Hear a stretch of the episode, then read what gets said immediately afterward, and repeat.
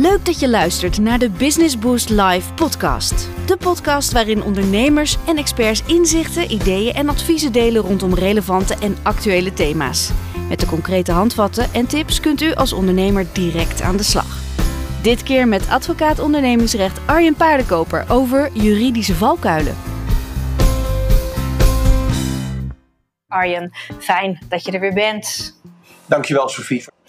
We merken dat uh, ondernemers ontzettend veel vragen hebben over het uh, ontslagrecht, de NOW-regeling, het uitbetalen van vakantiegeld. En jij gaat hier meer uh, duiding aan geven. Laten we meteen van start gaan. Want de NOW-regeling is natuurlijk bedoeld voor werkgevers die als gevolg van het virus kampen met een substantieel omzetverlies, tenminste 20 procent. En zij kunnen dan bij het UWV een aanvraag indienen voor een tegemoetkoming in de loonkosten, en hiervoor een voorschot ontvangen. Maar als je te veel NOW aanvraagt, ja, welke consequenties heeft dat dan?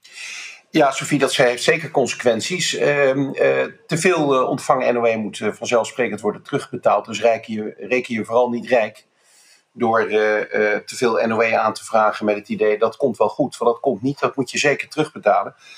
Wat ik niet kon vinden in de kamerstukken, in de toelichting erop, niet dat ik daar nou de hele dag in zit te neuzen, maar voor jou doe ik natuurlijk alles, dat weet je. Dus ik heb ook dit uitgezocht, is of je rente moet betalen. Want je kan wel belastinguitstel krijgen rentevrij, maar je kan uh, op de NOW-regeling vooralsnog hoef je geen rente te betalen.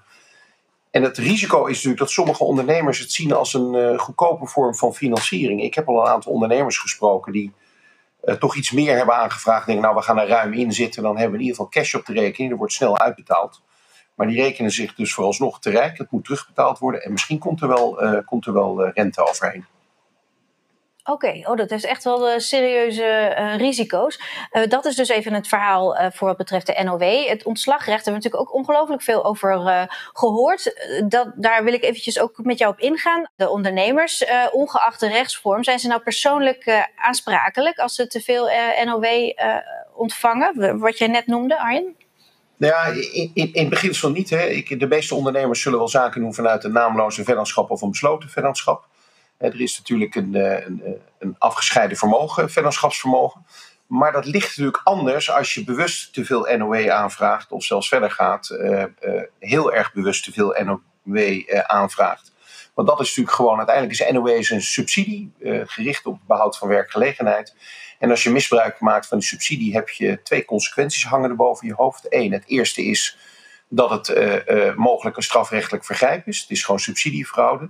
En de tweede is als je uiteindelijk failliet gaat en je kan die NOW niet terugvragen terwijl je te veel hebt uh, uh, aangevraagd, loop je persoonlijk een risico als bestuurder van, uh, van een vennootschap. Dan heb je dus een bestuurdersaansprakelijkheid om je oren. Oké, dat is heel goed om, uh, om te weten. En uh, met jouw uh, strenge bril maakt, heeft het ook wel impact nu dat je dit zo zegt. Dus dat is heel goed. Dan zijn we dus bij, nu, bij deze zijn wij gewaarschuwde mensen en die tellen voor twee. Vanaf 1 juni kom ik nu weer terug op het ontslagrecht. Worden de ontslagregels versoepeld? Dat is nou juridisch gezien wijsheid. Gebruik maken van de NOW-regeling of mensen ontslaan. Nou ja, kijk, na 1 juni uh, wordt het makkelijker uh, om mensen te ontslaan uh, als je de NOW-regeling bekijkt. Het ontslagrecht aan zich verandert niet. Maar tot 1 juni kreeg je een boete van 50% van de ontvangen NOW. Dus je moest en de NOW terugbetalen en 50% extra. En die boete komt in beginsel na 1 juni te vervallen. Er is geen straf meer als je mensen ontslaat. Klopt. Je, eh, daar is nog een uitzondering voor gemaakt in de Kamer. Dat uh, gaat bij collectieve ontslagen. Dat ons, zijn ontslagen van 20 mensen of meer. Daar moet je uh, overleggen met de vakbonden. Als de vakbonden daar hun toestemming voor geven, dan is er niks aan de hand. Geven ze geen toestemming, krijg je alsnog een boete. Maar die boete is zeer beperkt. Die is, het laatste nieuws was dat die maximaal 5% beloopt. Dus je kan nu gewoon mensen ontslaan zonder dat je met terugwerkende kracht nog die NOE moet terugbetalen. En dat heeft, ik denk dat het consequenties gaat hebben. Um, ik vind het overigens, ik vind het heel fijn dat die boete eraf is. Dat is verstandig, want de andere optie uh, is als je de boete niet wil betalen, dat je het faillissement aanvraagt van de onderneming. En dan gaat er uiteindelijk veel meer werkgelegenheid uh, verloren.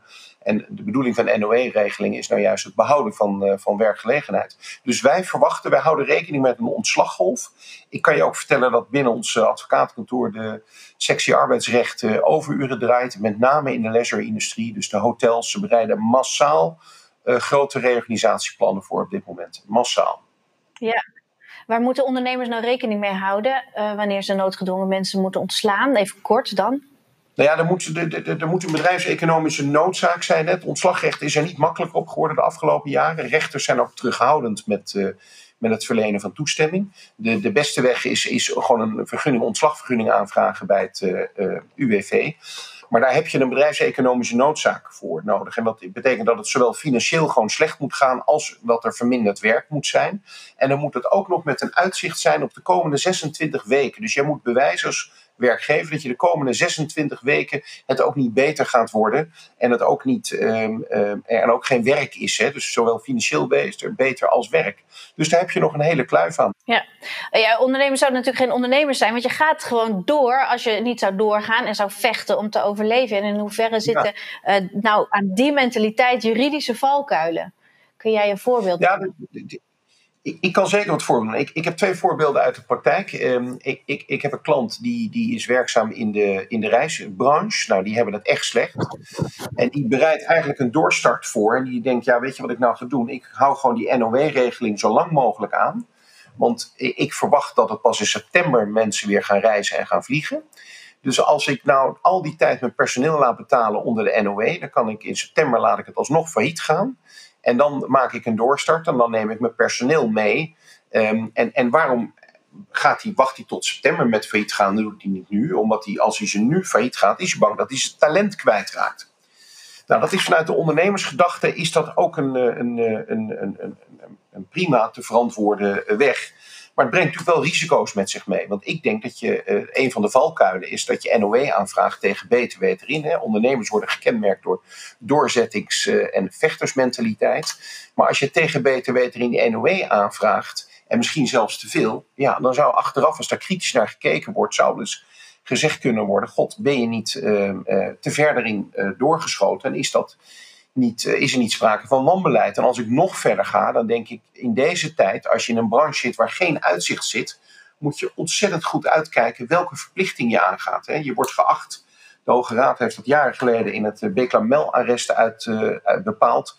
En dat is, je moet geen verplichting aangaan waarvan je wist of had kunnen weten dat je ze niet zou kunnen nakomen met je onderneming. Want dat leidt tot persoonlijke aansprakelijkheid. Dus een van de valkuilen is bijvoorbeeld. Um, um, je vraagt te veel NOE aan uh, en je moet het terugbetalen. Je kan het straks niet terugbetalen. Dat is een uitdaging. Um, je gaat een nieuwe machine bestellen en misschien is er toch niks te doen straks voor die machine en ga je alsnog onderuit. Ja, dan heb je een probleem. Ja, bijvoorbeeld, wat, wat, als je nou op het punt staat hè, om een nieuw contract aan te gaan voor een langere periode voor bijvoorbeeld huur, wat, uh, wat zou je dan kunnen adviseren? Het is natuurlijk koffiedik kijken. Ja, die, die, die huurovereenkomsten zijn natuurlijk in Nederland behoorlijk uh, standaard documentatie. De, de, de Raad van de Oerende Zaken, de ROZ, heeft modellen gemaakt, heeft iedereen zijn plasje ooit over gedaan. Maar dat was voor corona. En wij spreken VC en NAC. En na corona is natuurlijk heel wat anders, want je tekent minimaal voor vijf jaar en dat wil je niet meer. Want in die contracten staan eigenlijk helemaal geen tussentijdse beëindigingsmogelijkheden. Tenzij je tot het einde van de rit betaalt. Soms mag je nog een onderhuurder erin. Maar ja, in het centrum van Amsterdam zitten diverse winkels die gericht zijn op de, op de toeristenindustrie. Uh, met een toeristische vergunning. Dat was, vroeger was die goudgeld waard.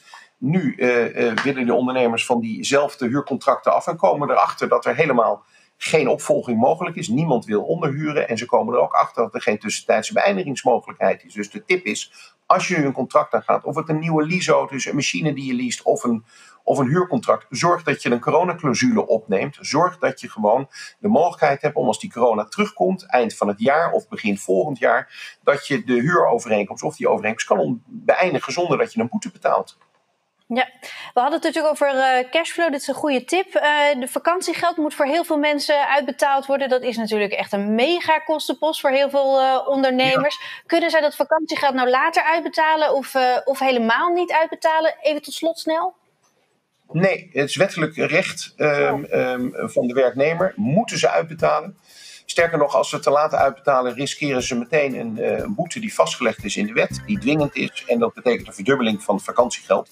Dus zonder instemming van de werknemers kan het niet gebeuren. We zien het overigens heel veel gebeuren nu, waarbij het door de strot van de werknemers wordt geduwd. Maar eigenlijk kan dat niet.